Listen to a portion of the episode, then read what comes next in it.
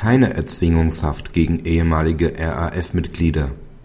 Der unter anderem für Staatsschutzstrafsachen zuständige dritte Strafsenat des BgH hat den Beschwerden der ehemaligen RAF-Mitglieder Klar, Mohnhaupt und Volkerts stattgegeben, mit denen sie sich gegen Erzwingungshaftanordnungen des Ermittlungsrichters des BgH wenden. Die Beschwerdeführer berufen sich zu Recht auf ihr Auskunftsverweigerungsrecht nach § 55 StPO. Die Bundesanwaltschaft leitete im April 2007 Ermittlungsverfahren gegen das ehemalige RAF-Mitglied Wisniewski wegen Verdachts des Mordes und des versuchten Mordes ein. Gegenstand dieser Verfahren sind der Anschlag auf Generalbundesanwalt Buback und seine beiden Begleiter vom 7. und der versuchte Granatwerferanschlag auf die Bundesanwaltschaft vom 25.08.1977. Im Rahmen dieser Ermittlungsverfahren vernahm die Bundesanwaltschaft im Juli und August 2007 die Beschwerdeführer sowie das ehemalige RAF-Mitglied Sonnenberg als Zeugen.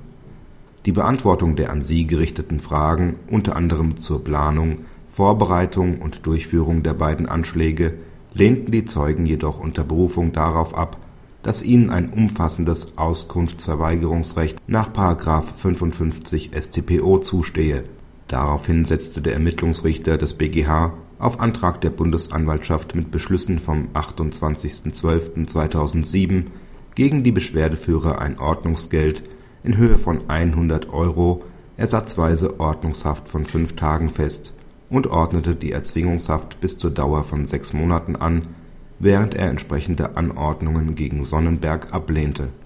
Auf die von den Zeugen Klar, Mohnhaupt und Volkerts erhobenen Beschwerden hat der dritte Strafsenat die Anordnung des Ermittlungsrichters aufgehoben und die entsprechenden Anträge der Bundesanwaltschaft zurückgewiesen.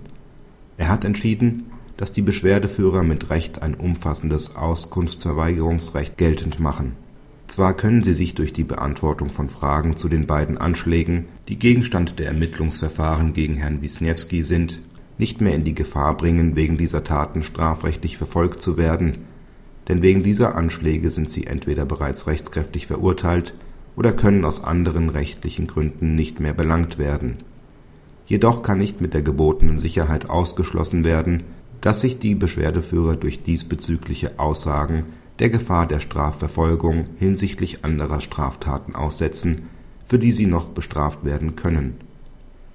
Denn nach den Gründen des gegen Herrn Klar und Frau Mohnhaupt ergangenen Urteils des OLG Stuttgart vom 2.4.1985 bestehen konkrete Anhaltspunkte dafür, dass die Anschläge gegen Generalbundesanwalt Buback und die Bundesanwaltschaft Teil einer eng zusammenhängenden Anschlagsserie der RAF im Jahre 1977, der sogenannten Offensive 77 waren, in deren Planung, Vorbereitung und Ausführung sämtliche damaligen Mitglieder der RAF eingebunden waren, zu denen auch die Beschwerdeführer zählten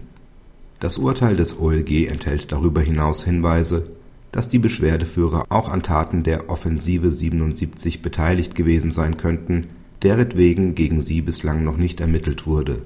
So soll der Beschwerdeführer Volkerts bei der Ausforschung der Lebensumstände des am 30.07.1977 ermordeten Bankiers Ponto mitgewirkt haben.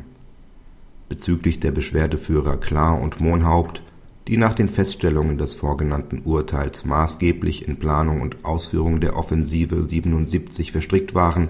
kann nicht ausgeschlossen werden, dass sie auch an dem Raubüberfall auf den Waffenhändler F am 1.7.1977 beteiligt waren, bei dem Mitglieder der RAF den Inhaber des Geschäfts zu töten versuchten und Waffen erbeuteten. Denn bislang konnten noch nicht alle unmittelbar an dieser Tat beteiligten RAF-Mitglieder ermittelt werden die Beschwerdeführerin Mohnhaupt trug darüber hinaus bei ihrer Festnahme am 11.11.1982 eine Waffe bei sich, die dem Raubüberfall auf das Waffengeschäft F entstammte. Vor dem Hintergrund dieser vom OLG festgestellten engen Verknüpfung der Anschlagsserie der RAF im Jahr 1977